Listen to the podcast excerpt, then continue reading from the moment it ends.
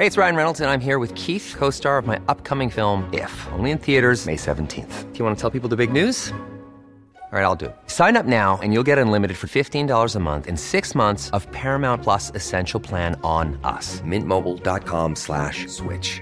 Upfront payment of $45 equivalent to $15 per month. Unlimited over 40 gigabytes per month. Face lower speeds. Videos at 480p. Active Mint customers by 531.24 get six months of Paramount Plus Essential Plan. Auto renews after six months. Offer ends May 31st, 2024. Separate Paramount Plus registration required. Terms and conditions apply if rated PG. Many of us have those stubborn pounds that seem impossible to lose, no matter how good we eat or how hard we work out. My solution is PlushCare. PlushCare is a leading telehealth provider with doctors who are there for you day and night to partner with you in your weight loss journey. They can prescribe FDA-approved weight loss medications like Wagovi and Zepbound for those who qualify. Plus, they accept most insurance plans. To get started, visit plushcare.com slash weight loss. That's plushcare.com slash weight loss. Many of us have those stubborn pounds that seem impossible to lose, no matter how good we eat or how hard we work out. My solution is PlushCare. PlushCare is a leading telehealth provider with doctors who are there for you day and night to partner with you in your weight loss journey. They can prescribe FDA-approved weight loss medications like Wagovi and Zepbound for those who qualify. Plus, they accept most insurance plans.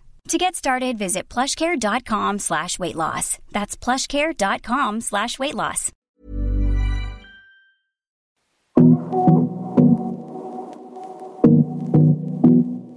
Hej och varmt välkommen till avsnitt 187 i Karriärpodden. Idag gästas jag av ingen mindre än mediageniet Anita Clemens som jobbat med allt inom reklam, film, television, PR, mediaproduktion, poddar, ja allt inom media. Och hon är också utbildad marknadskommunikatör. Anita berättar i avsnittet allt från hur det gick till när hon kom till Sverige som adoptivbarn till hur hon har arbetat sig upp i media Stockholm, blev en offentlig person både genom sitt yrke men även via sitt giftermål med mediaprofilen Kalle Schulman med allt vad det innebar, till hur hon blivit den karriärkvinna och passionsstyrda entreprenör hon är idag. Det här är ett samtal som alltid i Karriärpodden om livet och karriären och om syftet med allt och framför allt vikten av att vara autentisk. Innan vi drar igång vill jag presentera Karriärpodden och Women for Leaders samarbetspartner, nämligen Volkswagen Group Sverige. Tack för att ni gör det möjligt att sända Karriärpodden. Här kommer nu avsnitt 187 med min gäst Anita Clemens. Jag heter Eva Ekedal.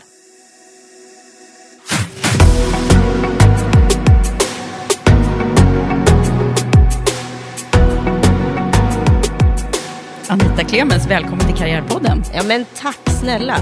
Hur mår du? Jo, men alltså, jag, jag tror att jag mår helt okej, men jag var på äventyrsbad i förrgår och sen åkte jag moppe igår i alldeles för tunna kläder och så var jag ute och red också. Så att jag är liksom lite traditionellt förkyld, det vill säga jag har en bonnsnuva. Ja, och det har vi bara bestämt. Och jag liksom vägrar tro att eh, du inte skulle komma hit idag. För att det är så många som, ja, man blir ju lite skraj i dessa tider. Ja, men, exakt. Men vi sitter med sådana här bra coronaavstånd här, så det är lugnt. Precis, vi håller bra avstånd och vi är handspritade och glada. Och jag är precis nerspullen, vill jag säga.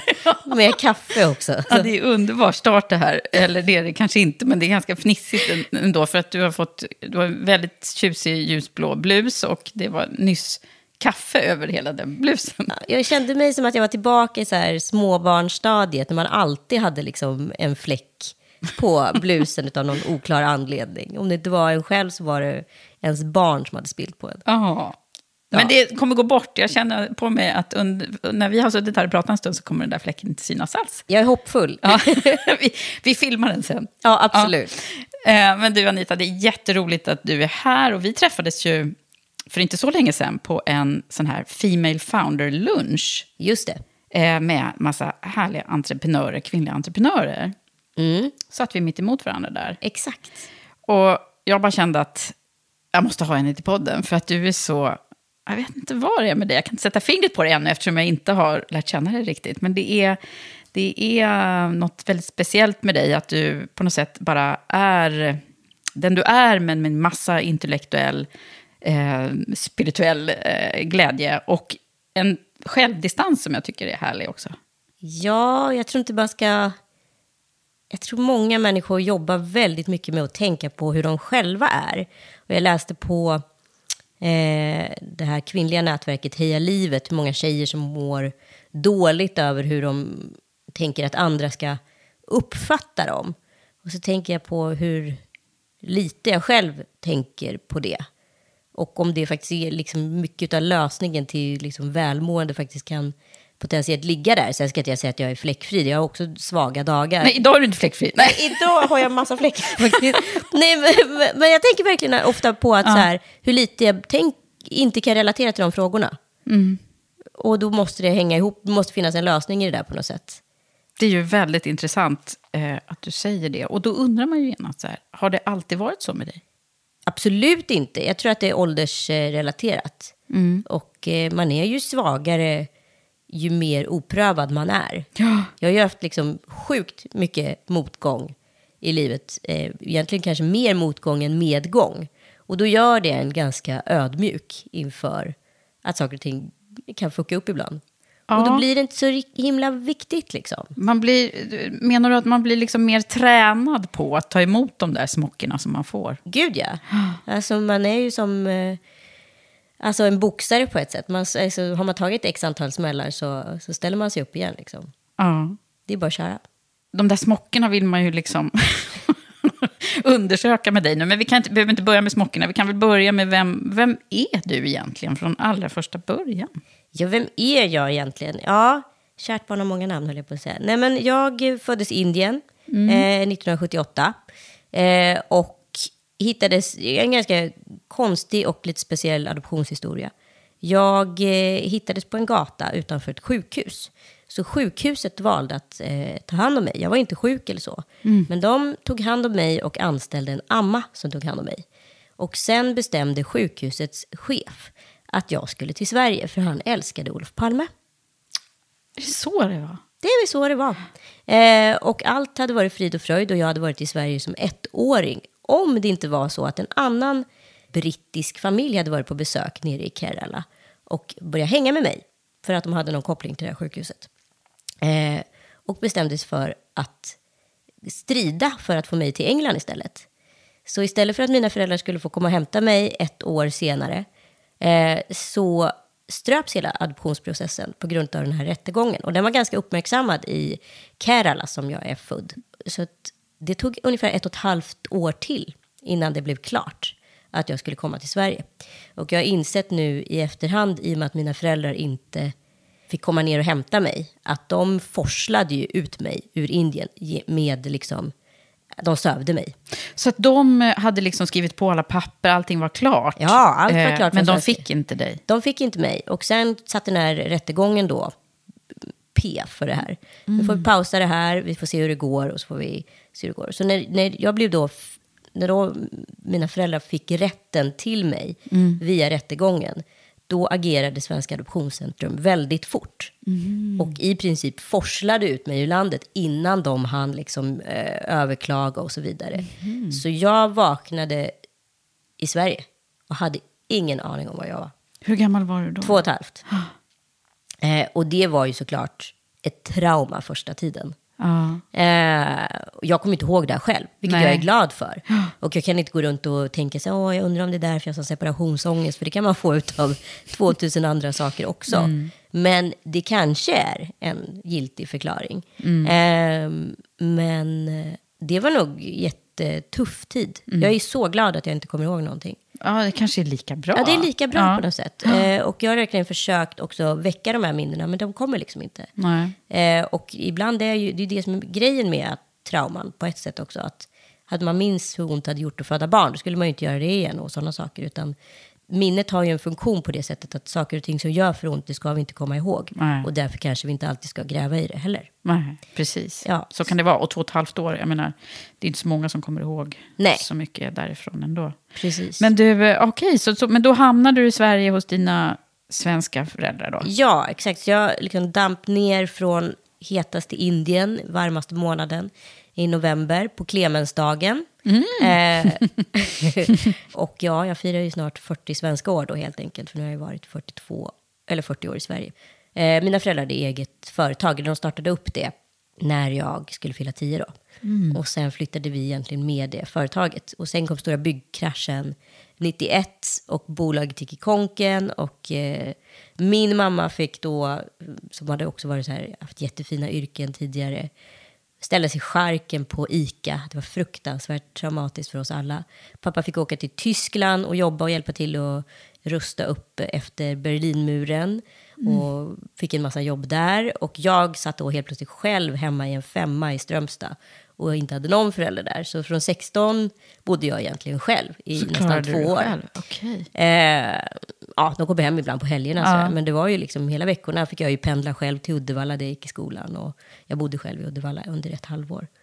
Men du, när du tänker på dig själv under den här liksom, årsperioden, tonåringen och, Ja. och, och uppväxten där nere, vad, vad, vad får du för bild av dig själv? Alltså jag har så otroligt goda minnen ifrån Strömstad. Alltså allting som har med Strömstad att göra är fantastiskt bra.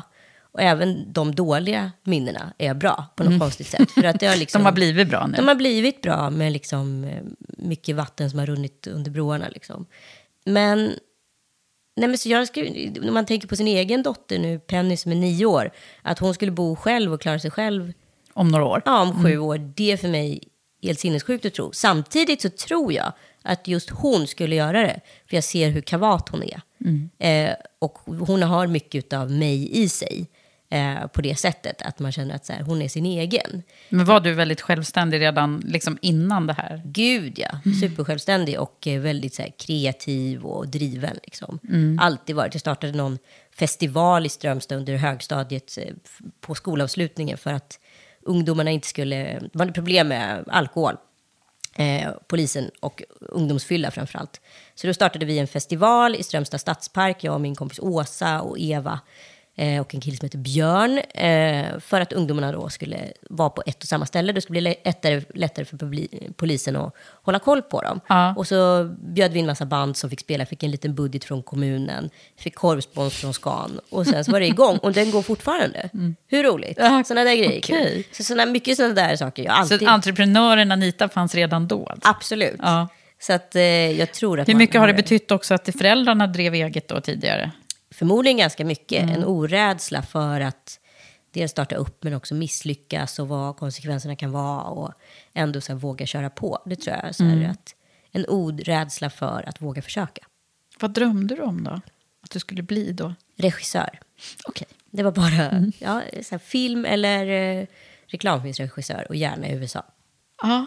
Ja. Men hur blev det då? var- Eller ja, det blev det ju delvis kan man säga. Ja, absolut. Nu Ja. har jag ju faktiskt regisserat två serier. En som heter Mammor som har gått på eh, via Free och via, via Play. Och en som heter eh, Röda linjen som går på sociala medier. Och sen en som heter eh, Hansson Hansén. Det är tre serier som också går på sociala medier. Så det blev verkligen så. Ja. Men, men första resan då, hur var den?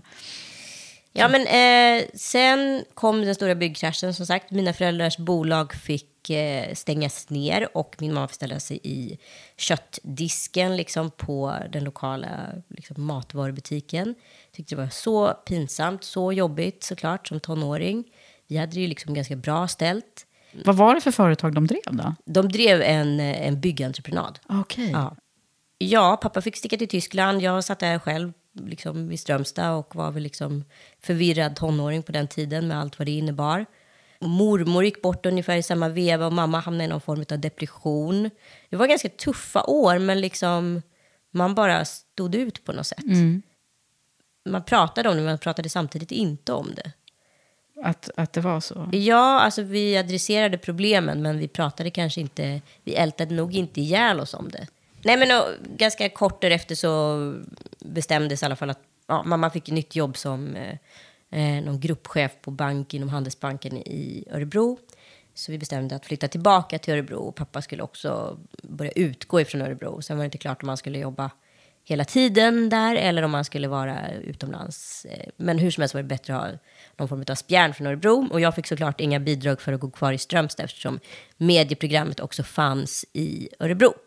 Så det var bara att vid 17 års ålder sätta sig i, i ny klass. Och medieprogrammet, det var solklart då ja, såklart. Ja, alltså jag hade redan gått ettan i medieprogrammet. Och det var ju, ja, jag har ju jobbat med media Sen alltid. Mm. så, så det var ju rätt beslut att eh, gå den vägen.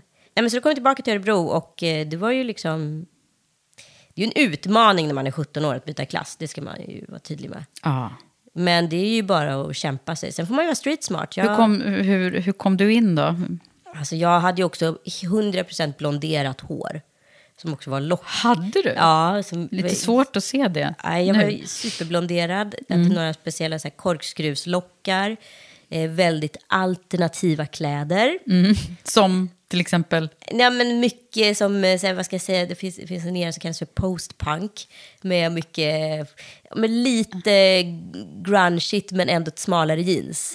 Förstår man? Ja, lite skaty, Ah, okej. fast inte så baggy. Ja. Mycket så här, myrorna och se ut lite som en 70-talsperson. Ja, lite så. det var det det. Oerhört eh, knasig klädstil ska jag säga. ja, Men men, helt rätt tyckte du. ja, gud, jag var ju så tuff så att herregud. Jag var ju också väldigt tuff person i liksom, eh, Uddevalla och Strömstad. Jag var ju en cool person att hänga med. Ja. Och då att bryta upp och börja ny klass och hamna på noll igen, det var ju en utmaning. Liksom. Tyckte inte att det var skitkul första två månaderna, ska jag glatt understryka. Satt liksom längst bak i klassrummet, sa inte ett pip till någon. Men så såg jag att de där tuffa tjejerna som jag ville hänga med, de lyssnade alltså på samma band som jag. Ah. Men de var ju klädda på ett helt annorlunda sätt. Då kom jag på att om jag skriver alla de här banden på mitt block eh, så kanske de ser det vid något tillfälle. Att du är lika cool Ja, jag är som lika dem. cool som dem. Och det gjorde, den, planen funkade. Och helt plötsligt var jag liksom upplockad igen. Och eh, ja, strategin funkade och det var väldigt lyckosamt. För att eh, jag fick några riktigt härliga år i Örebro också. Ja. Innan jag stack till Stockholm.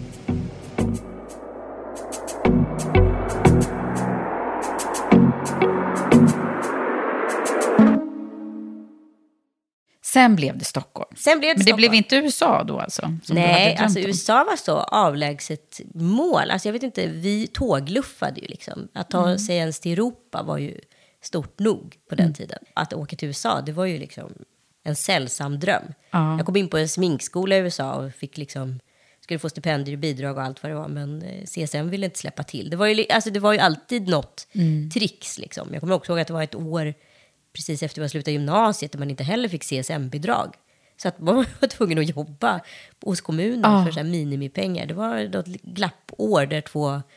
Det var något, eh, något som hade hänt efterdyningarna utav att kronan föll och Okej. det fanns ingen som hade tagit beslut om någonting viktigt. Så det var ett glappår för CSN, så ingen fick bidrag. Nej. Och då hade jag kommit in på konstskolan i Stockholm och fått en lägenhet eh, vid Mariatorget. Men det var ju bara att tacka nej till allting. Nej! Ja, du vet, så knäppt. Det lät ju annars ganska härligt. Konstskolan, Mariatorget och, Ja, och Stockholm. perfekt. Ja. Som att komma in från Örebro som den södermentala personen Va, jag var. men då. vad hände då? Nej, det, allting blev paus ett år, sen flyttade jag upp på ett, ett år senare. Ett år senare. Flyttade runt hos olika kompisar i olika lägenheter tills mamma fick nog på att jag antingen blev utkastad eller, eller vad heter det, fick betala någon ockerhyra någonstans. Så sa hon, och hon jobbade på Handelsbanken så tur var, så hon var så här, nej, nu får du köpa en lägenhet. Ja. För hon hade personallån. Så jag fick ju köpa en liten etta på Bondegatan. Vilket var drömmen, Ja. såklart. Och då kommer man liksom in i Ja. marknaden. Precis. Så ja, jag köpte en liten etta på Bondegatan och jobbade, skulle börja plugga på komvux var tanken. Men eh, fick jobb istället på en reklambyrå i receptionen jättefort.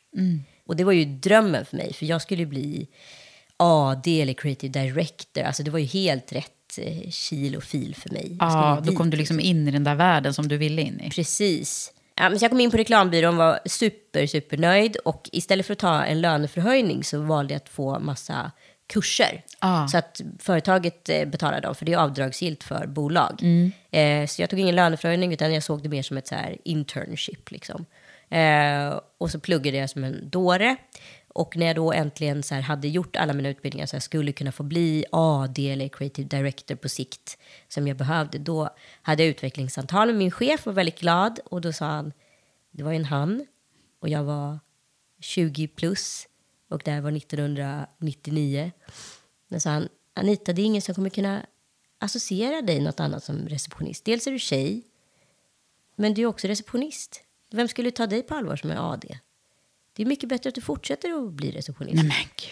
Och jag var, så knäckt efter det samtalet så att jag liksom, jag förstod att allting hade bara varit ljug från deras sida. Alltså de hade ju betalat de här utbildningarna, de var ju gratis och jag behöll min lön. De fanns ingen intresse för dem att satsa på mig internt och rekryterade de in en ny tuff kille på de där coola posterna. Så Men jag, vad hände då? Vad gjorde du då? nej, men jag stack till Paris faktiskt och pluggade. Ah, och liksom då var det Sorbonne. Ja, då blev det Sorbonne för hela Mm. slanten. Och ett eh, faktiskt ett ganska galet festår. Eh, Vilket det gärna blir i Paris. Ja. Eh, och sen när jag kom hem så visade det sig att hon som hade fått mitt vick i receptionen hade då blivit Adias. För hon hade minsann sagt till att de behövde ett nytt telefonsystem. Och det visade på drivkraft. Nej men. Så då kände men du, jag att vad, nu vad, räcker vad, det. vad har det här satt för spår i dig då? Nej, men det, det, det, det satte nog bara mer ett spår att så här, nej men nu räcker det. Det får vara nog nu liksom. Så här, man kan inte hålla på och be om ursäkt för att man existerar. Nej. När det uppenbarligen... För det var, du hade varit för försiktig då kan man säga, eller för ödmjuk eller? Ja, förmodligen bara väldigt så här, glad och tacksam. Mm. Och glad och tacksam är ju en jättefin egenskap i många sammanhang. Mm. Men också en förjävlig egenskap i många andra. Så jag eh, lyck lyckades faktiskt få jobb på TV4 via privata kontakter. Liksom. Eh, och sen, där någonstans började min liksom, tv Mm. Det är då man skulle vilja gå tillbaka till den här reklambyrån och säga huge mistake. Ja, exakt. Jo, de hade någon reunion för några år sedan och då, då var de väldigt måna om att jag skulle komma. Men då tackade jag faktiskt glatt nej. Ja. ja, men lite så. Ja, alltså är För man kan ju skilja på de här som verkligen har varit bra sponsorer, som vi pratar så mycket om Ja. här i podden.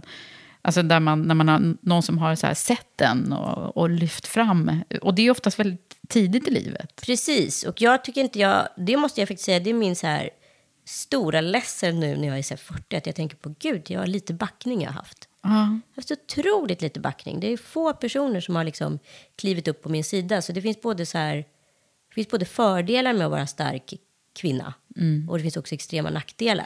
För att den här typen av, vad ska man säga, sponsorskap och mentorskap och hela den biten, det kom liksom långt mycket senare än när jag började. Eh, och de som jag faktiskt har som mentorer och sponsorer, de, de finns där. Men inte speciellt många andra. Nej. Och det, det är ju just de där, innan man själv eh, kan ge tillbaka så att säga, att bli sedd Ja. och, och frampuffad lite. Det är ju det man behöver så tidigt i livet ofta. Precis. Ja. Eh, och man ser ju väldigt stor skillnad tycker jag, i alla fall de jag vet har det. Och de jag vet inte har det. Hur olika deras liv har tagit sig. Du, sa, du säger ju så här, nu är du stark kvinna och så. Mm, Är det det som har gett dig eh, styrkan, så att säga? Att jag får minsann klara mig själv? Eller, Ja, eller men- hade du den redan innan? Nej, men jag tror alltid att jag varit så här kavat och redigt mig. Sen, har jag ju så här, sen kan man ju ta sig till en viss nivå, eller en viss eh, liksom, möjliggörande. Men sen tar det ju stopp. För du har inte det där sista pushen som Nej. du kanske behöver för att putta någon över Nej. liksom någon form av sund. Där det i vanliga fall kanske tar stopp för någon som inte har någon backning. Så backning är så viktigt. Ja. Och liksom, ja men nu... Får, Backar du idag? eh, jag försöker backa. Jag har backat ett par tjejer liksom. Eh, och nu börjar de liksom få in en fot och sådär. Och De kan eh, också så här, jag, någon form av mentorskap men också bara att kunna finnas där och diskutera och älta. Men också kunna, så här, kunna slänga ut en kontakt åt höger och vänster. Ja, man har ju igen det där. Jag brukar prata om bumerangeffekten. Liksom, Ja. men eh, också spännande när man tittar på sin egen bakgrund. Och liksom, vad är det jag saknade? Ja. Eh, hade jag mått bra av? Där hade du troligtvis mått bra av att bli framlyft lite tidigare då. Exakt, och det där är ju någonting som man ska tänka på som stark tjej där ute. Att man kanske faktiskt ska så här, vara lite mer ödmjuk mot sig själv och så säga så här, det är helt okej att be om hjälp ibland. Det är verkligen helt okej. Jag tycker ju liksom, jag kommer från en generation där att be om hjälp, det är ju det sista man gör på, på listan. Under tiden det kanske är det första man gör för en ny generation. Ja. Så att vi har ju väldigt olika ingångsvärden till det. Jag hoppas verkligen att, att det finns en generation här som kommer ha Mm. någon form av mellanväg. För det är ju bra att kunna driva själv också. ja. Så it goes two ways. Men när man tittar på, på dig där då, det, vi hoppar lite här nu, men Mm. om, man, om, man, om man tittar på dig där, där du befann dig då, när du liksom hade börjat i, i medievärlden då. Ja. Vad var det som hade varit, vad var det för betydelsefulla nycklar som du ändå hade med dig, som sen har, har burit dig fram? I dig själv menar jag. Ja, nej, men att, att man så här, vill man något så kan man lösa det. Liksom. Alltså, bara att så här, affirmera och önska och ha ett tydligt mål. Att så här, jag ska dit. Och så springer man dit. Så den här regissörsdrömmen och det, det Ja. fanns fortfarande hos dig där. Ja, längtan är liksom det finaste en människa kan ha i livet. Och jag blir väldigt så här, det måste jag säga med den här instant gratification, FOMO, generationen som hela tiden kan få liksom kalanka på julafton alla dagar i veckan, när de vill, för att det finns på YouTube. Alltså hur svårt jag märker mina barn har att längta efter saker. Och hur viktigt det är att träna på att längta. Att så här, bygga upp momentumet runt jul och kanske skapa någon form av hype runt detta så de förstår vikten av att längta och att åtrå något. För det är det viktigaste man kan ha. För att så här, längta efter att nå ett mål, det är det finaste. När det är uppnått, wow, vilken känsla det är. Okej, men då är vi där på, i din början på karriären och TV4.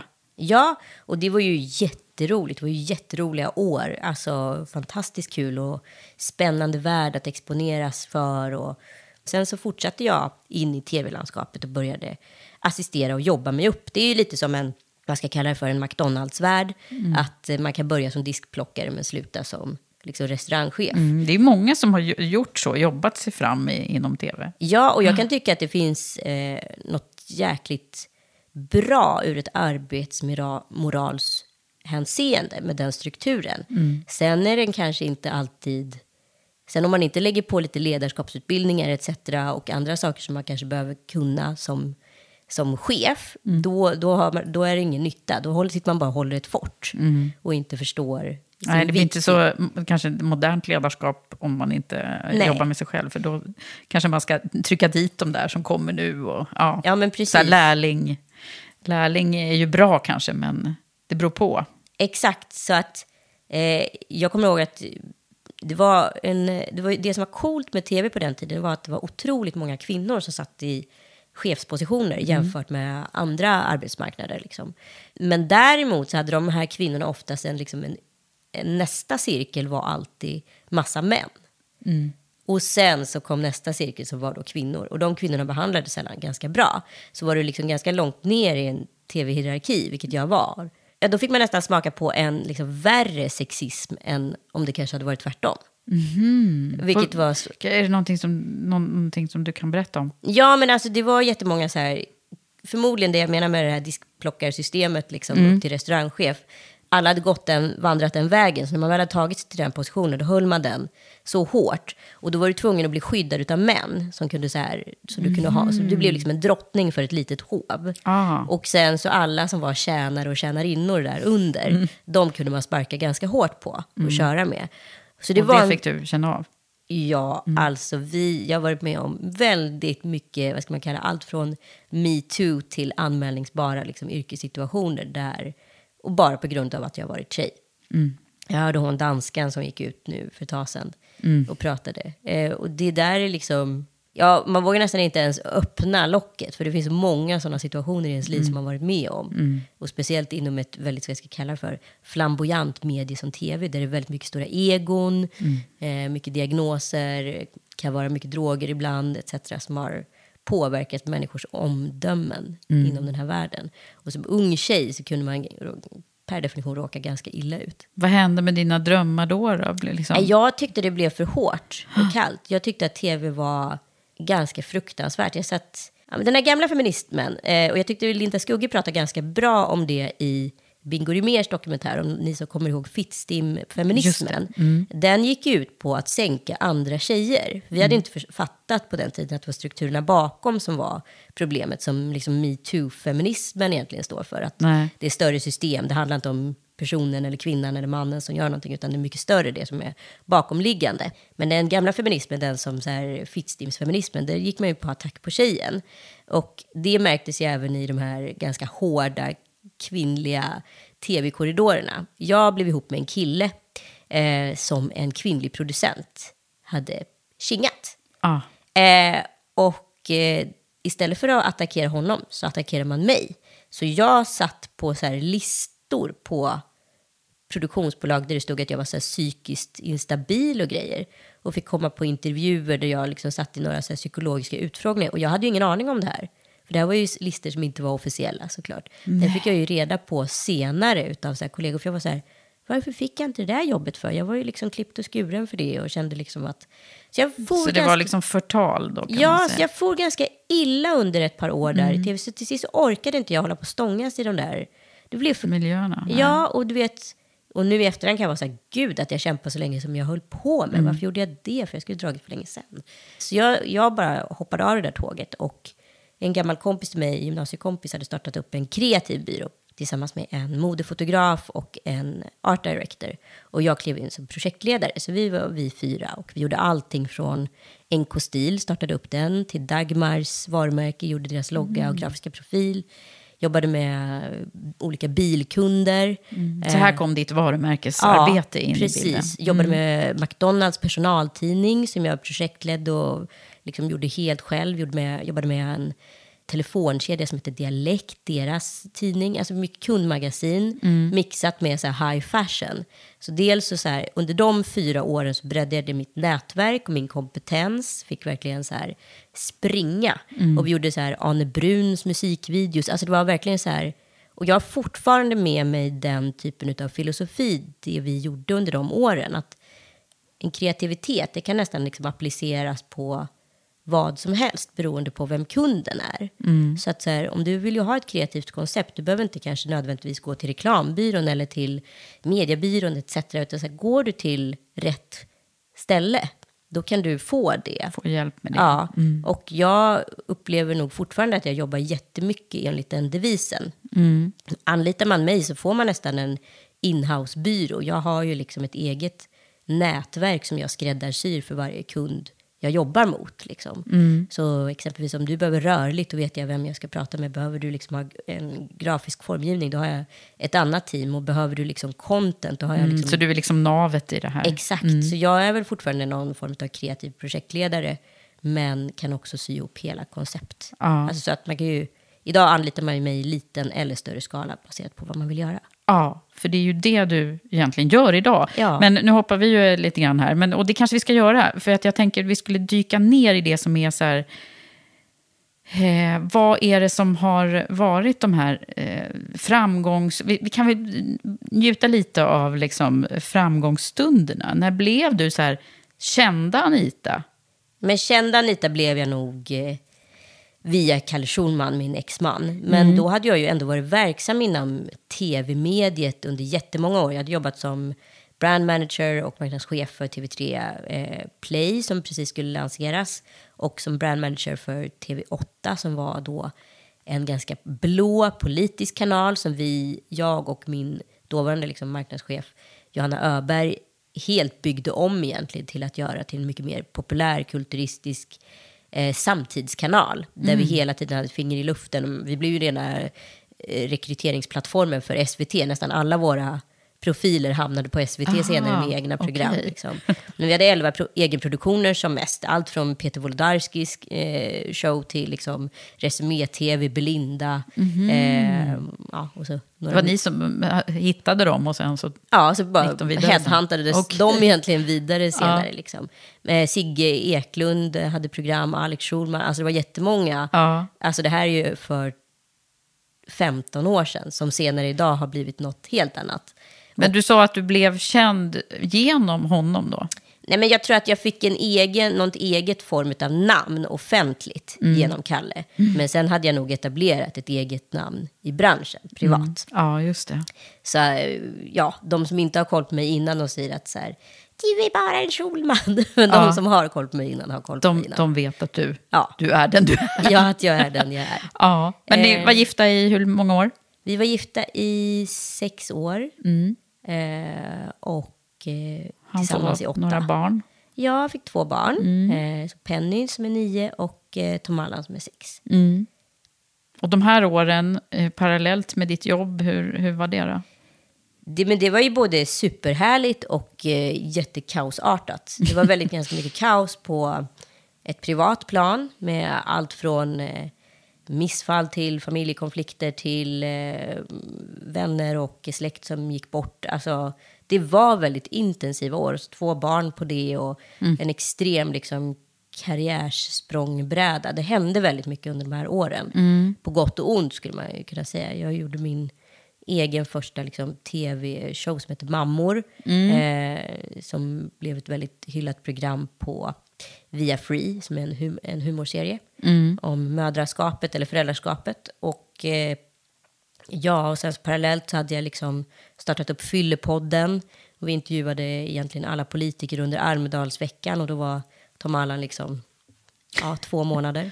Ja. Ja, så att så här, jag åker dit med barnflicka och liksom, min mjölk sinar Ah. när jag är där. Liksom, på grund av stress. Att, så här, Så det var verkligen så här mammor i IRL. kubik. Mammor i Ja. kubik. Så att, så här, ja, vad ska jag säga, det var jättekul att göra Fyllepodden. Men det var kanske inte jättekul att mjölken sina. Nej. Ja, det Det var... där är ju sån här mitt i livet-grej som jag tror att vi alla, jag blir så här, när du pratar om det så, så får jag ju också minnen om hur jag sprang liksom, Ja. runt som en liten... sprang med den här barnvagnen Mm. jag är så glad att jag så kunde ha möjligheten och råd att ha en barnvakt. Jag hade inte fått ihop mitt liv annars. Det hade varit kaos. Nej. Men jag tror de här åren tärde på både mig och Kalle på olika sätt. Liksom. Mm. Så att vi kände väl liksom inte längre att vi hade något core liksom, i oss som Nej, relation. kärleken tog slut. Ja, helt Mm. enkelt. Och nu i efterhand kan jag ju bara säga att det var jättebra att det hände. Mm. För det var ju ny kär- kärlek. Ja, men dels det, men också så här så känner man ju att vi är ju mycket bättre idag som ex-föräldrar, alltså ex-partners, men vi tycker väldigt, vi är fortfarande väldigt så här solida i vårt föräldraskap liksom, Mm. och har inga problem. Idag ska han hjälpa mig med Tom Alla, alltså jag har Mm. inga problem med att liksom jonglera över på olika sätt om om, det, om det krävs. Men det var lite så här rubriker där när ni skilde er. Och Ja, absolut. när man googlar så får man ju upp ganska mycket kring, Eh, kring de åren. Jo tack. Ja. Nej men det var ju, det, problemet är ju också så här, när man är i en sån sårbar fas som jag var, plus att eh, de var en ganska mediastark familj liksom. Så alla hade väl olika plattformar att så här, uttrycka sig. Eh, och ibland så blev det inte speciellt snällt liksom. Och sen vet jag att jag försökte hålla nere för jag var så här, mina barn ska inte få läsa om något elakt som jag har sagt om deras pappa. Liksom. Men så säger man något litet i en podd och sen klipps det ihop med någonting i en annan podd några månader senare och så helt plötsligt har du en story där. För människor sipprar ju, så är det ju. Ja. Omedvetet eller medvetet. Mm. Eh, så det var, blev nog ganska så här uppiskad Hur stämning. mådde i du i den där perioden då? Det måste jag faktiskt säga att det var nog den värsta tiden i mitt liv. Eh, utan tvekan. Ja. Det, det, det går inte att beskriva den pressen. Som Vad det var det som var värst? Nej, men framförallt så tycker jag nog att, här, att vara formulerad av andra i tredje person. Att hon är sån eller hon tycker så eller hon, man förstår ju att hon är. Alltså människor som inte känner en hade en tydlig uppfattning om vem man var baserat på vad de läste hos andra och det tyckte jag kändes väldigt så här märkligt. Sen finns det olika typer av kändisskap. Alltså hade jag varit med i en dokusåpa eller, eller liksom eh, varit med i Idol, då hade jag ju bett om att bli känd. I det här fallet så hade jag ju inte bett om att bli känd. Och mitt kändisskap var ju baserat på content jag skapade. Eh, genom podd eller tv. Och det är egentligen lite var mer liksom, regissör. Liksom. Men så du fick se en annan sida av vad media då, alltså, du jobbade ju med media, men det var ändå så här, nu blev det en, en, en tredje person som bedömde dig då. Ja, och det där blir ju alltid lite konstigt chockartat. Jag har en kompis nu som är offentlig som har separerat. Hon är så här jättechockad över att, vad pressen utsätter henne för. Liksom. Eh, och när man är på andra sidan på något sätt så ser man inte på samma sätt. Nej. Men du får ha någon eh, duktig kommunikatör, om det var kanske Sassiane som sa att så långt man släpper in pressen får man också vara beredd på att de kommer slå emot den när det är väl. Ja. Vad har det här gjort med dig eh, i form av... Alltså, du är ju verkligen en, en influencer och har jättemånga följare och sådär. Hur, hur långt lär man känna dig idag då? Nej, men jag, jag är nog en och samma person. Du kommer inte träffa så många Nej, olika det känns personer. väldigt så här. Jag, nej, men jag, jag har liksom slutat spela spel eller gå in i karaktär eller göra roller. Alltså det du, det du ser, det, det får du. Liksom, Ja. Oavsett om det är på en arbetsplats eller hemma. Men det där med integritet och, och sådär. Men man får ju vara selektivare med vad man så delar. Samtidigt kan jag uppleva att det är så få gånger, förutom i en skilsmässosituation, som det har backlashat. Eh, så jag är inte jätterädd för att Nej. dela med mig. Nej. Och sen tror jag att folk också blir... Man utbildar ju också människor hela tiden i sociala medier. Så jag tror också att människor blir selektivare i att tolka vad som är sant och inte. Precis. Ja, men det här med, jag, tycker det så, jag har ju också poddat länge som du ju vet. Och, och det är många gäster här som, som kanske inte är lika vana som du är att dela. Framförallt är ju så här näringslivets eh, toppar. Det, det är ju så här, man kan prata hur mycket som helst om sina organisationer och ledarskap och andra saker. Men när det kommer till så här liksom innersta känslor och tankar och upplevelser så är det ju inte alldeles solklart. Nu tycker jag att det börjar lätta. Man börjar förstå liksom att om jag ger lite mer av mig själv så får jag också mycket mer. Men det, det Ja, men liksom sitter man, ganska långt inne. Ja, men jag tror man har en så här... Man får ha liksom en... gud, vad ska jag säga? Alltså, antingen säger man A eller så säger man ingenting. Det är antingen så. Men berätta inte halva historier. Nej, Berätta hela.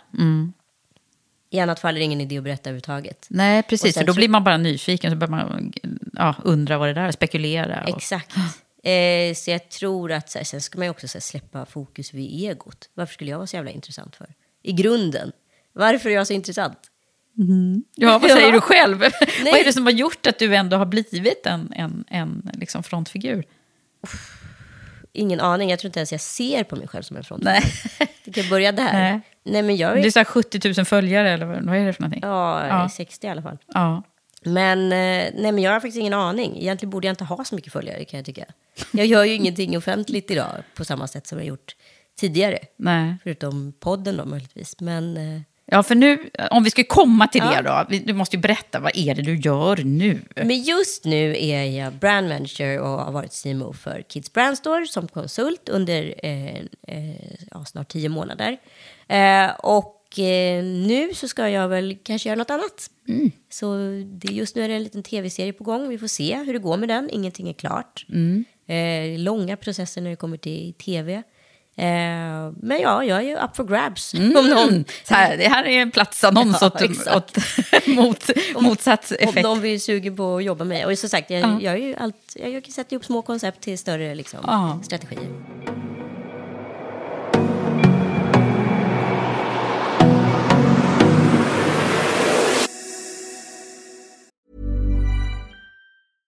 Hiring for your small business? If you're not looking for professionals on LinkedIn, you're looking in the wrong place. That's like looking for your car keys in a fish tank. LinkedIn helps you hire professionals you can't find anywhere else, even those who aren't actively searching for a new job but might be open to the perfect role. In a given month, over 70% of LinkedIn users don't even visit other leading job sites. So start looking in the right place. With LinkedIn, you can hire professionals like a professional. Post your free job on linkedin.com slash people today. Nice. Yeah. What you're hearing are the sounds of people everywhere putting on Bombas socks, underwear, and t-shirts made from absurdly soft materials that feel like plush clouds.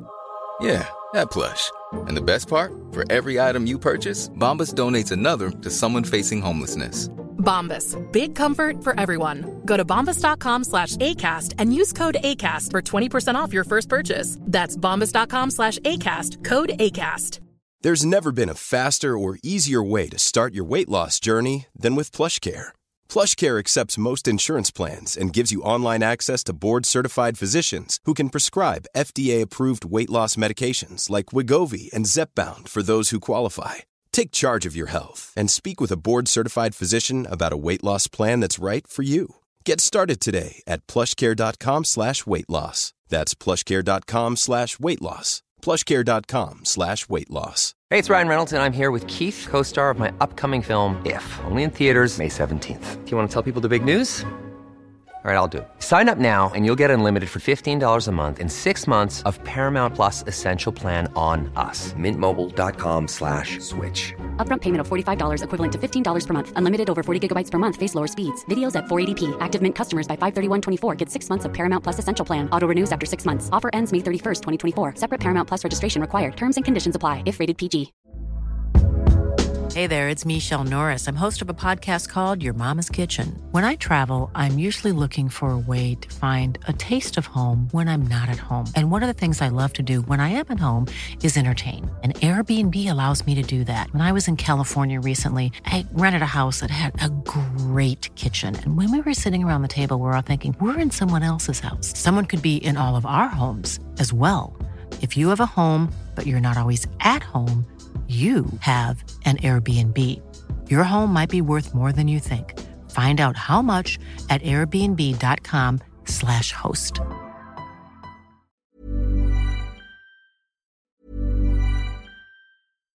Hi, I'm Daniel, founder of Pretty Litter. Cats and cat owners deserve better than any old fashioned litter. That's why I teamed up with scientists and veterinarians to create Pretty Litter. Its innovative crystal formula has superior odor control and weighs up to 80% less than clay litter. Pretty Litter even monitors health by changing colors to help detect early signs of potential illness. It's the world's smartest kitty litter. Go to prettylitter.com and use code ACAST for 20% off your first order and a free cat toy. Terms and conditions apply. See site for details. Planning for your next trip? Elevate your travel style with Quince. Quince has all the jet setting essentials you'll want for your next getaway, like European linen, premium luggage options, buttery soft Italian leather bags, and so much more. And is all priced at 50 to 80% less than similar brands. Plus, Quince only works with factories that use safe and ethical manufacturing practices. Pack your bags with high-quality essentials you'll be wearing for vacations to come with Quince. Go to quince.com slash pack for free shipping and 365-day returns. Traffic jams, tailgating, pileups. Ugh, the joys of driving. How could it get worse? The federal government wants to have a say in what you drive. That's right. The Biden administration's EPA is pushing mandates that would ban two out of every three vehicles on the road today. Don't let Washington become your backseat driver. Protect the freedom of driving your way. Visit EnergyCitizens.org. Paid for by the American Petroleum Institute. Men du Anita, när man, när man läser på om dig då så hittar man ju några andra saker som har hänt i ditt liv. Eh, och dina föräldrar har varit dåliga. Och hur är det nu? Ja, men det har ju varit liksom, nu är det ju per definition bra. Alltså min mamma är ju jättedement och sjuk liksom. Eh, och det blir ju inte, corona kan man väl inte säga har gjort saker och ting bättre. Vi har ju sett sig en gång och försökt göra någon videokonferens och hon förstod inte alls vad det var. Det förstår man ju.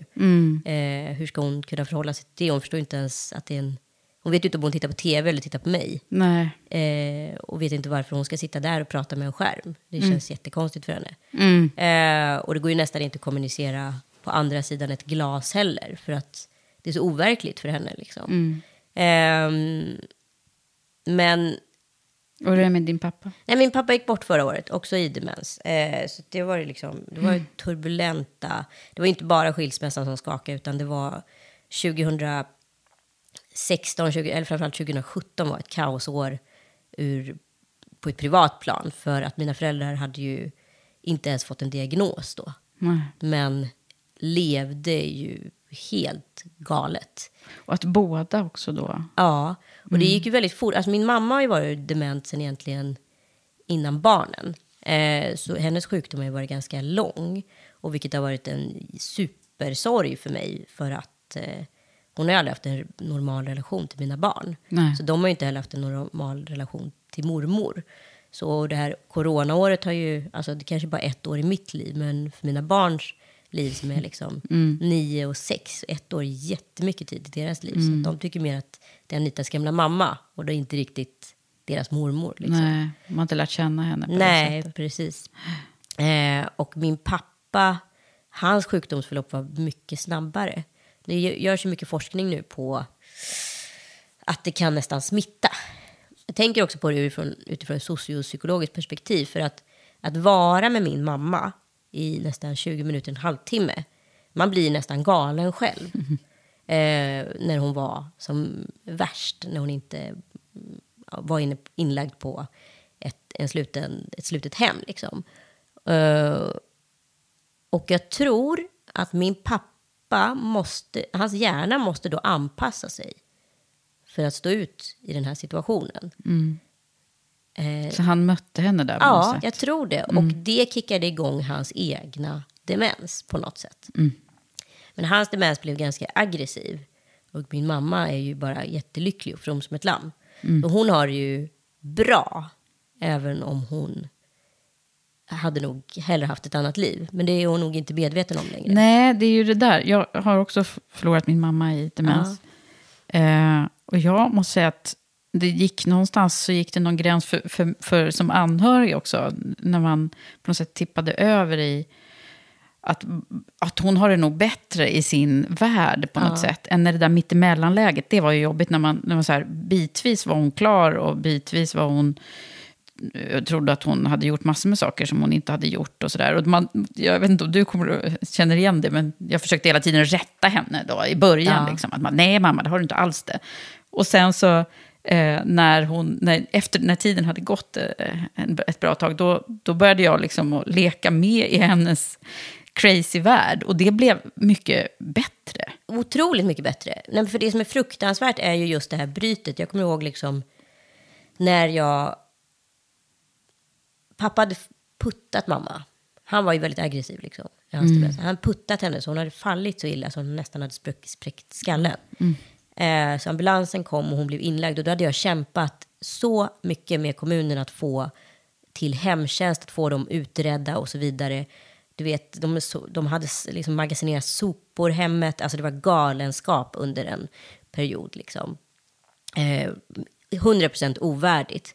Och när jag väl fick in henne på det här mellanboendet då, eh, som är innan man hamnar på liksom, den stängda institutionen, eller vad jag ska kalla det för. Och min mamma inser att hon är sjuk. För att på grund av det fallet så ringde ju överläkaren för den avdelningen i Örebro mig bara, hej, vi måste nog snacka. Jo tack, sa jag, det måste vi verkligen göra. Och så berättade jag allt som hade hänt under de senaste liksom, tre åren. Och då var ju hon ett solklart fall utav demens. Och det här hade redan definierats innan vid ett annat tillfälle med henne. Där hon hade fått skårat 11 på en frågeställning utav 22. Ja. Vill säga att man är mitten i sjukdomen. Eh, men hon hade blivit inlagd vid ett annat tillfälle där de upplevde att hon var jättedement. Eh, så nu fick jag en definitiv diagnos. Men problemet med mellanboende är att min pappa inte hade diagnosen. Så han kom ju och kidnappade henne stundom.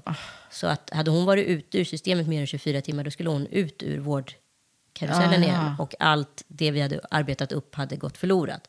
Som tur var lyckades jag övertala min pappa att faktiskt träffa en läkare och då fick han Fick också han en också diagnos. diagnos. Så då bodde de båda där. Men på det året tappade min pappa all livsglädje så att han gick bort ett år Ja, senare. det gick fort. Det gick väldigt fort. Ehm, Men du, och då var du mitt i eh, det här andra kaoset alltså? ja, alltså jag gick ju egentligen från ett kaos till ett annat. Det här andra kaoset hade ju liksom Hade legat varit, där hela ja. tiden. Det är så konstigt när man har småbarn. Man har så mycket energi på liksom ett helt annat sätt. Så att man stod liksom ut i mångt och mycket med mycket.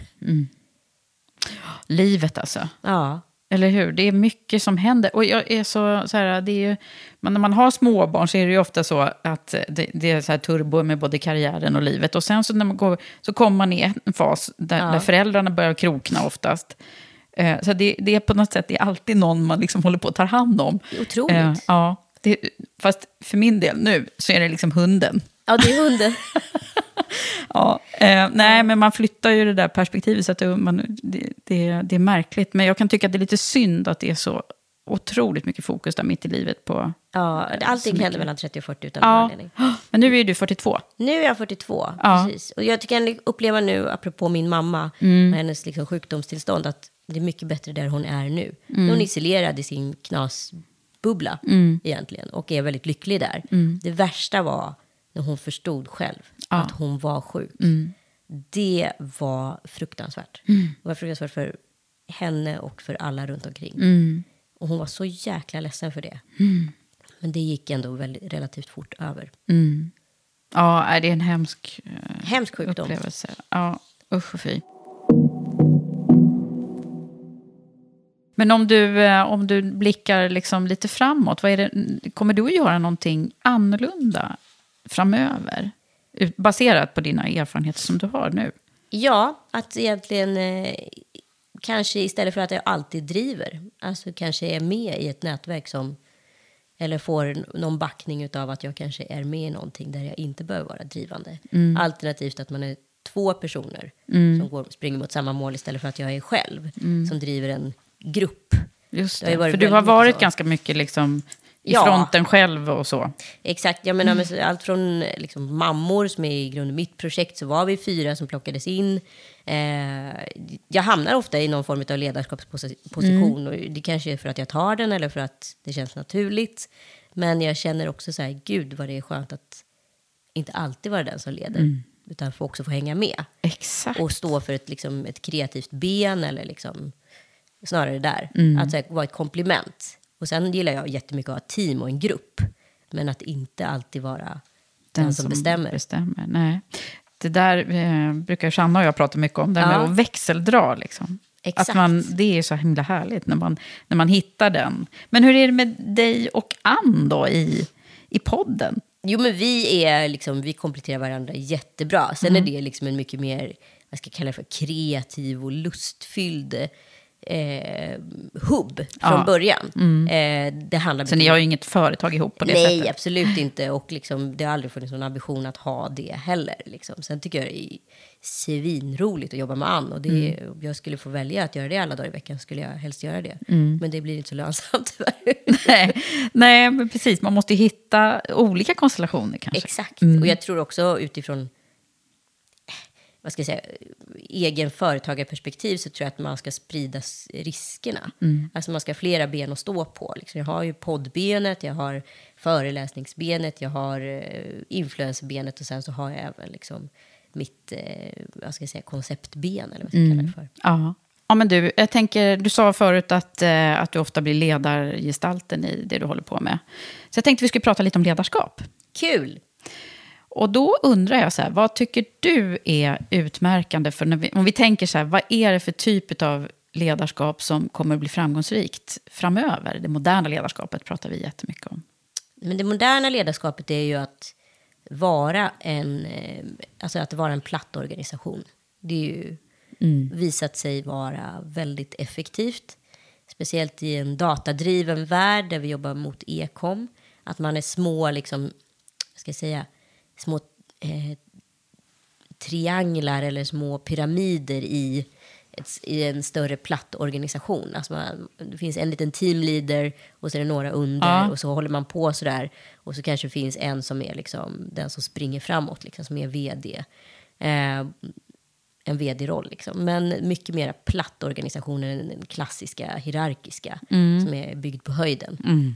Hur, hur är de, de där ledarna som du tror på, eller som du själv? Men jag tycker är de, alltså just nu för Kids Brandstore så har vi en ung tjej, 31 år gammal, Adeline Sterner, som är eh, vd för ett, liksom, ett tungt bolag med starka liksom, ägare och eh, mycket viljor. Hon är sjukt duktig, medveten och eh, ja, riktigt duktig på att så här, rodda ihop den här skutan. Liksom. Eh, och jag tror jättemycket på den typen av ledarskap. Det, det sker en förändring i, i liksom hela strukturen då. Det håller ju på att hända massor med saker. Och alla pratar ju väldigt mycket om inkluderande ledarskap. Och det är faktiskt en fråga du ska få ifrån min samarbetspartner. Vad kul. För eh, jag har ju förmånen att jobba med Volkswagen Group Sverige som samarbetspartner. Och de är så här jätteintresserade av att driva frågan kring jämställdhet och inkludering. Eh, så därför så skickar de alltid med en fråga om vad tycker du är inkluderande ledarskap? Och när kan du ge liksom, relatera det till så här, någonting som du har upplevt själv? Ja, men inkluderande ledarskap, det är väl just att så här, inte hela tiden vara den som bestämmer allt. Utan så här, lyssna, ta in, ta lärdom, lyssna på gruppen.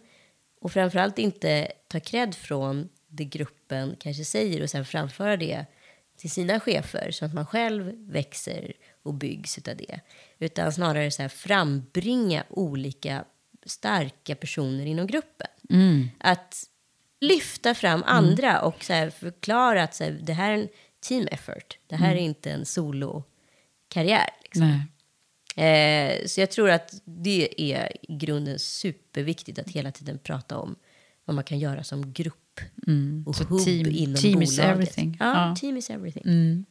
Du, eh, mångfald och, och jämställdhet är ju annan typ av inkludering kan man ju säga. Mm.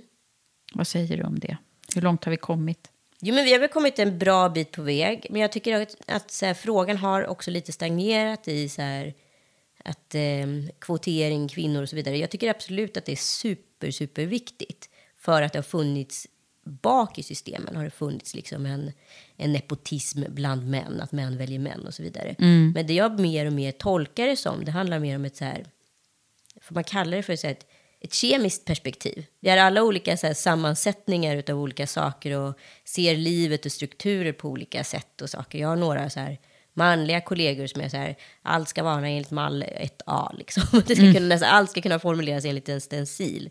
Så blir de nöjda och så får man förklara så här, nej men det kanske inte riktigt är så utan det kanske funkar på det här sättet också. Så blir de jättestressade i början, tycker det är skitjobbigt. Och sen när de förstår att det kanske så här, det kanske var ett bra komplement. Eh, då gillar de det. Mycket handlar om rädslor och bekvämligheter. Alltså de bitarna är mycket mera större utmaningar och större, alltså egentligen en större hot än manligt kvinnligt här. Alltså rädslorna, få bort rädslorna och bekvämligheten. Tar ibland det obekväma före det bekväma. Då kommer man mycket längre. Så jag skulle snarare säga så här, hitta en bra sätt att sätta ihop ett team genom att så här, nästan kemiskt kollaborera. Liksom. Att testa olikheter. Ja, exakt. Och jag, det är ju jättetrött att prata liksom om, om eh, röd och grön och blå och allt det där. Det orkar man inte ens gå Nej, in i. nej, utan nej men det mer- pratar vi inte om. Jag orkar inte nej, med det. Nej, då orkar ingen med. nej, men utan snarare så här, eh, våga det obekväma och Mm. våga liksom, eh, ja, inte nöja sig hela tiden. Nej. Med, så här ska det vara. För det är sällan ett svar. Men en jag tänker också på, alltså nu har vi pratat lite om, om feminister och, och, och eh, feminismen, vad den eh, har olika skepnader idag. Och nu kom Black Lives Matter och hela det här. Vad, vad har du landat i det här? Vad står du liksom? Men jag är i grunden humanist. Jag är inte mm, liksom, feminist utifrån frågan att så här, kvinnor kan eller kvinnor är bäst eller så. Jag tror väldigt mycket på en gemensam insats. Alltså så här, om det bara är kvinnor som säger saker så drivs ju inte det samhället framåt heller. Vi har idag en ganska hög moralistisk feminism i, en, i det unga skedet, liksom, eller generation Z, som har så hög moral och svansföring så det nästan blir ett metafenomen där man inte där man snarare exkluderar kvinnor istället för att förstå dem.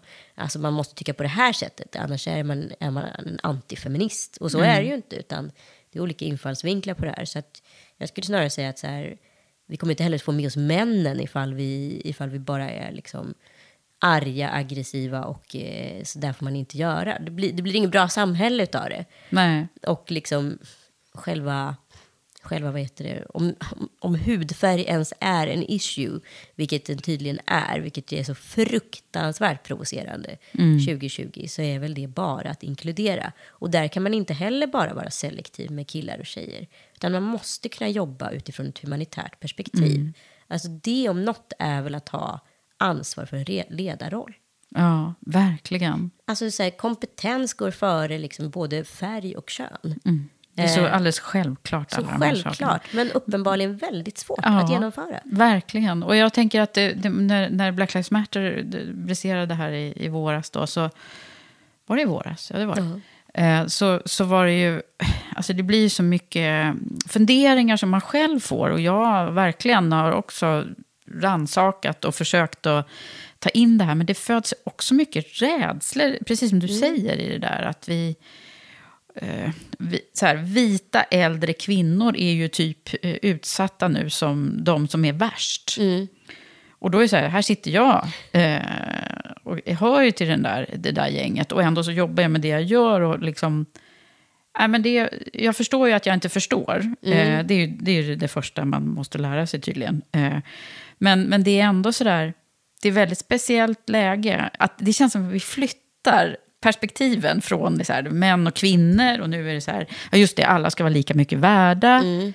Eh, är du med? Att vi, att vi, och nu är de vita kvinnorna som ska... Jo, men det är det här som hela tiden, det är det här som jag blir irriterad på med debatten. För att det handlar hela tiden till att hitta en grupp individer som är hotet snarare än att se vad som är faktiskt är problemet. Mm. Alltså det är ju rädslorna som är problemet.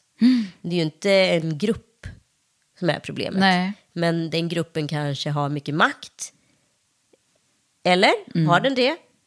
Eller så vänder man på steken om man har en platt organisation. Mm. Och så har den inte det. Nej. Eh, utan så här, det handlar ju om att rekrytera efter kompetens. Eh, rätt person på rätt plats.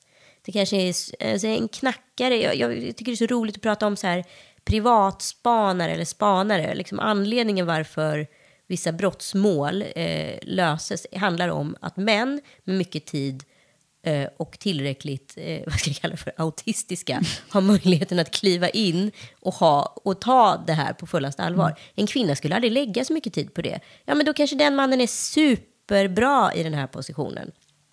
Under tiden en kvinna som är en superdriven projektledare, mamma, orädd etc. Eh, kanske en jättebra vd eller projektledare. Ja, då ska det väl vara så. Om man byter plats på de två så får man ju ingenting gjort. Mm. Nej. springer man ju bara runt i en cirkel. Alltså, så, så det handlar så mycket om att så här, rekrytera rätt och sätta rätt person på rätt plats. Och då ska varken kön eller ras vara utav betydelse. Nej. Eller sexualitet eller whatever. Nej, men det är så Ja. mycket som är mellan raderna som inte behöver vara mellan raderna. Så Nej. sudda bort Så det det är ju såklart jättebra att vi, att vi lyfter det och, och lyfter allas ögon på något sätt. Alltså det är inte bara en kategori som ska göra det. Nej.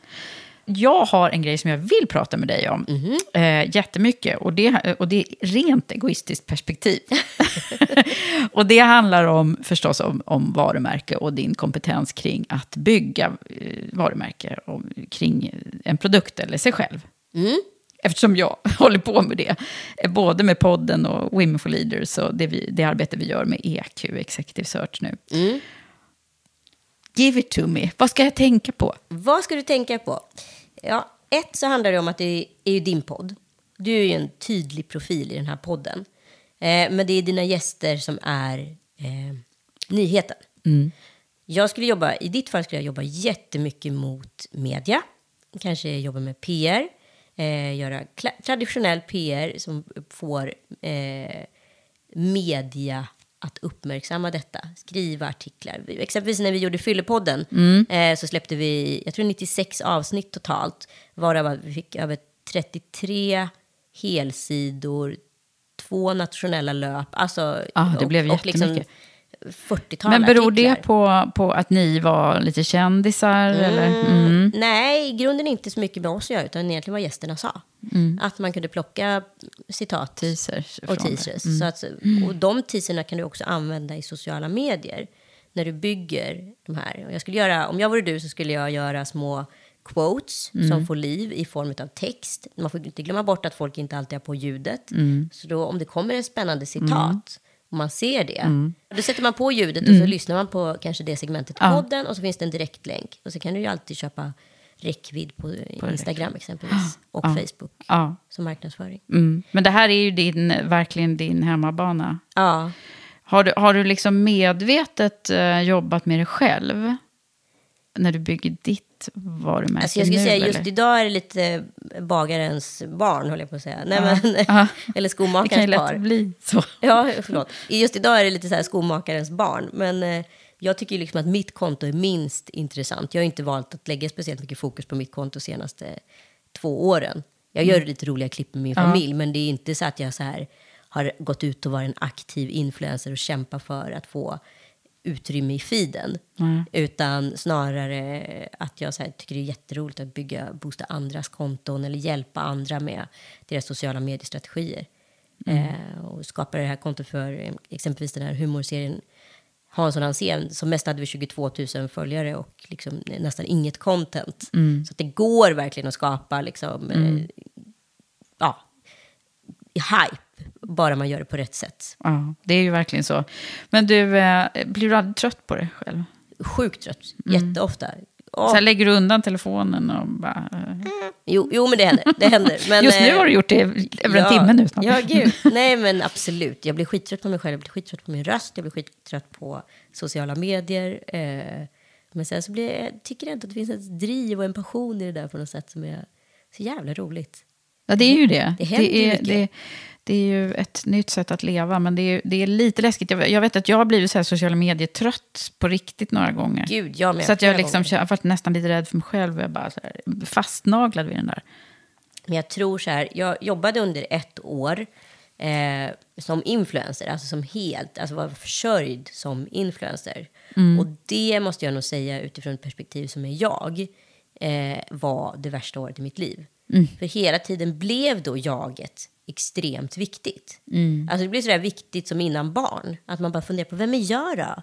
Vad ska jag uppfattas som? När jag tappar följare här, Ja. ja. då är inte jag tillräckligt intressant, men jag lägger upp den här bilden istället. Så mycket bekräftelse. Så jävla Ja. mycket bekräftelse. Jag bara så kände så här, men gud, jag orkar inte bry mig. Jag vill, Nej. inte, jag vill inte vara där. Där är inte mitt core. Jag gör jättegärna influencersamarbeten utifrån perspektivet Anita. Mm. Men inte att jag, Anita, är en influencer. Nej, så det har du lagt helt åt sidan. Absolut. Mm. Absolut. Vad skönt. Ja, så sjukt skönt. Mm. För jag, nej, man mår inte speciellt bra i sådana där sammanhang. Nej, men det är ju väldigt lätt att man hamnar i där jämförelsen och så. Det, det är ju även så med, med liksom konkurrens och företagande. eh, Att man jämför, åh nu går det jättebra för dem och så går det dåligt för mig. Ja, men jag, så, jag har sett massa så här jämnåriga kvinnor som jag verkligen beundrar och tycker är så coola personer lägger upp så här. Lägg ut dina bästa fredagsemojis. Mm. Som att de är nio år för att de vill ha engagemang. Mm. Och jag tänker mer så här, gud, det är någon så form av mikroskopisk gestaltningsterapi Mm. i det där liksom. Ja. Eh, varför skulle 40 plus kvinnor vilja lägga upp sina fredagsemojis? Mm. Jo, det måste ju vara för att man känner att man inte har så mycket content Mm. att driva, så då ska man göra det.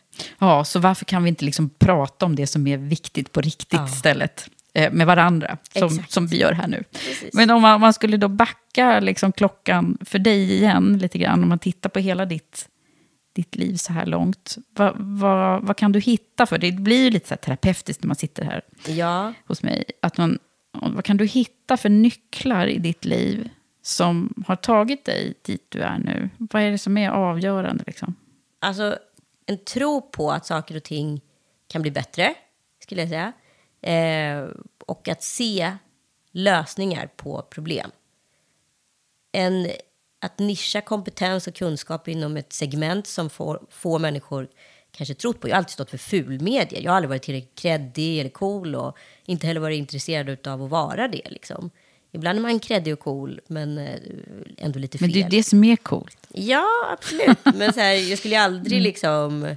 Filip och Fredrik skulle ju aldrig uppmärksamma mig på något sätt. Alltså förstår du, den, den typen av medielandskap, där är jag en paria. Eh, och jag har inga problem med det, för jag har alltid tyckt att här, jag tycker sociala medier är för kul. Det går att göra skitbra grejer med det. Så jag har alltid trott och varit lite motvalls. Och trott. Jag har varit väldigt tidig på saker och ting. Många gånger för tidig. Eh, så ibland handlar det väl om att så här, sitta still i båten. Det handlar inte alltid om att vara först. Det handlar om att ha rätt timing. Ibland har jag haft fel timing. Men var det först. Mm, just det. Mm. Eh, och sen så tror jag det här med backning, återigen. Vi har haft lite backning. Ja, vi skulle gärna vilja växeldra med någon mer. Mm. Eh, och sen så tror jag i grunden god arbetsmoral. Eh, våga tro på sig själv. Alltså när man är entreprenör så handlar det om att du måste starta det här ångkraftverket själv varje dag. Det är ingen annan som kommer trycka på knappen, utan du måste göra det. Så hur mycket du än hatar det du gör så måste du ändå hitta kittet i vad det är du gör som är så kul. Mm. Och därav måste du se till att kunna gå till jobbet varje dag och tycka att det är kul. Mm. Annars måste du byta bransch. Och vad har varit det viktigaste i din liksom, resa och din personliga, personlighet som, som har burit dig fram, tror du? Äkthet, alltså grunden vara rak, ärlig, inte så här alltid vara ärlig med mina liksom, uppsåt och ambitioner och liksom, relationer. Alltid så här... mm, Jag tror inte alltid på att såra människor, eller för att, men hellre säga lite så här... Fan, det här kommer inte funka, eller det här är bra, men Mm. det här kommer inte gå. Liksom. Istället för att så här, säga guld och gröna skogar och så här kommer det bli. Eh, jag Så tror, en rak öppenhet är det du säger? Ja, precis. Rak öppenhet. Det var bra formulerat. Mm. Det har varit sådana saker som har varit viktiga för dig som person? Så. dels för mig att få veta, men också kunna ge den feedbacken om någon frågar. Så så här, det är fantastiskt det du gör, men vi skulle kunna göra det ännu bättre genom att göra så här. Mm. Ehm, Finns det något mer? Nej, jag vet inte. Har du tänkt på något mer? Nej, nej jag tänker på så här, värderingar som, som du har. Är det ju nästan som du, som du beskriver nu också. Ja, eh, nej men egentligen bara eh, se till sakers rätta element. Liksom. Förstå, kunna tolka sammanhang. Jag tror det är jätteviktigt att kunna tolka sammanhang. Tolka sammanhang. Och då, vad tänker du då? Nej, men ibland så märker man... Mycket idag är ju syftesdrivet. Men så undrar man ibland vad syftet är. Och då kan man ju antingen se att så här, oj, den här personen driver det här i syfte för att den vill verka vara en bättre person. Fast den har byggt in det i någon form av organisation eller förklätt det på något sätt. Eh, under tiden, andra kanske tänker att så här, jag gör det här för mig, men så får ett annat utspel.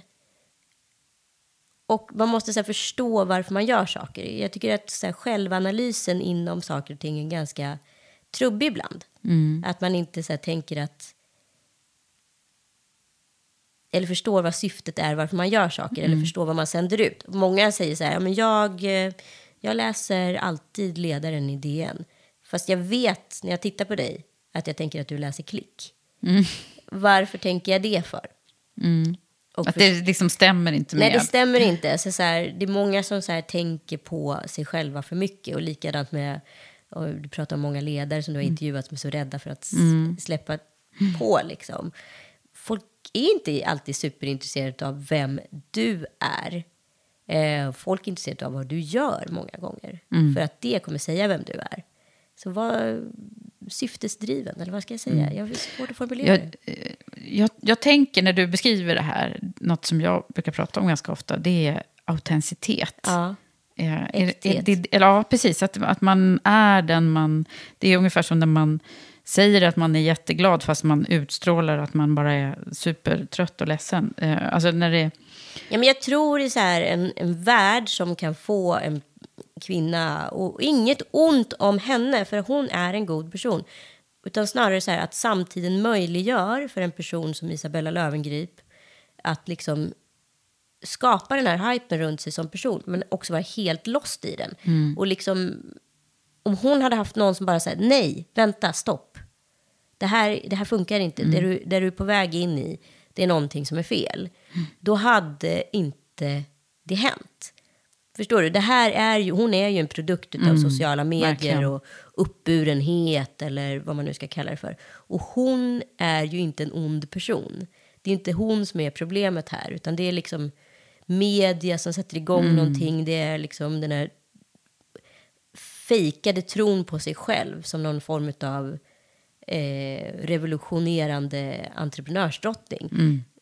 När man har fem spänn på banken. Det blir liksom inte coolt. Och sen så skapar man då en hype runt den här kvinnan. Man ger henne ett sommarprat och man liksom skapar en... Man skapar ett alter ego som den här personen egentligen inte kan relatera till. Men den här personen har börjat titta på sig själv utifrån istället för att se på sig själv inifrån. Så hon vill uppleva som en tjej som åker privatjet eller bor på ett flott ställe i Saint-Tropez liksom på sommaren och har den här livsstilen som en mångmiljardärska fast man har fem spänn på kontot. Där blir det fel och därför tycker jag att det är så jävla viktigt idag med autenticitet. Framförallt med många unga följare, lyssnare etc. som så här tycker att det där är coolt. Eh, och inget ont om Isabella, hon är en ljuvlig person. Och hon har ju själv sagt nu att hon har mått jättedåligt under den perioden. Men ingenting av det hon sänder ut mår dåligt. Och därför blir autenticitet så jäkla mycket viktigare. Ah, så sant. Och jag tänker på en annan grej när du pratar nu. Och det är den här, det finns ju någon, någon sån här syftesövning som jag har gjort någon gång under min mina terapistudier tror jag det var. Som man kan här, fråga sig själv. Ja. Okej, du, så du vill jobba med mm, vad man nu vill jobba med. Mm, och vad är syftet med det då? Och sen så när man kommer fram till, ja men det är syftet för att jag vill göra en bättre, eh, jag vill att alla ska bli glada runt omkring mig. Okej, men vad är syftet med det då? Och så kommer man till slut liksom till en kärna som är det här liksom på riktigt. Varför vill jag det här? Ja. Den är, den är faktiskt väldigt bra den övningen. Gud, kom jag på nu när du pratade. Den ska jag göra igen. Ja, Den gud, kanske du också den ska måste göra. jag också göra. Gud, den kanske vi ska göra. Ja, fast inte i podden. Nej. Men, men eh, den, det är faktiskt ett väldigt bra tips. Att fråga sig själv. Alltså, man ger sig inte förrän man, man kan fråga kanske tio gånger så här. Vad är syftet? Vad är syftet? Mm. Ja, men det är det jag menar, syftesdrivet. Man måste veta vad syftet är. Mm. Man kan springa in i vilken värld och sammanhang som helst. Mm. Och liksom idag med mycket så dålig självkänsla och sviktade självförtroende, då kan man anta sig vilken roll som helst. Men jag tror man måste veta vad syftet är. Kan man hålla det och hålla fokus i det, då kommer man komma långt. Mm. Så är det. Sen är det ju så här, Maslow är ju med i det här också. Såklart. Eh, Så att vi behöver ju ofta så här, syftet är för att man, ska, man behöver ju också livnära sig här i världen. Men när man har kommit bortom det Ja. så är det ju självförverkligande som sagt var. Men, men det är ju också så här, vad, varför vill jag det då? Ja. Gud, vi gör den där. ja, vi gör det. Ja. Jättekul. Jätteroligt att du har varit här Anita och förgyllt min tillvaro. Tack snälla för att jag fick komma Eva, det var så trevligt. Tack. Hoppas att du gillade det här avsnittet och stort tack till dig som har lyssnat på mig och min gäst Anita Clemens. Och du som gillar det vi gör i Karriärpodden och Women for Leaders får gärna gå in och stjärnmarkera och skriva en kort recension i podcasterappen och förstås sprida avsnittet till vänner och kollegor som du tror skulle gilla det. Jag vill också passa på att berätta om EQ Executive Search. Ett searchbolag som rekryterar moderna ledare. Och det gör vi för att kunna göra den förflyttning som krävs i den extremt snabba förändringstakten där vi behöver hitta nya egenskaper och förmågor och det gör vi med ett annat synsätt vad gäller chefsrekrytering. Du kan läsa mer om oss på eqexecutivesearch.com och gå in och lägg in ditt CV om du vill finnas med hos oss. Det var allt från Karriärpodden den här gången. Jag heter Eva Ekedal. Vi hörs snart igen.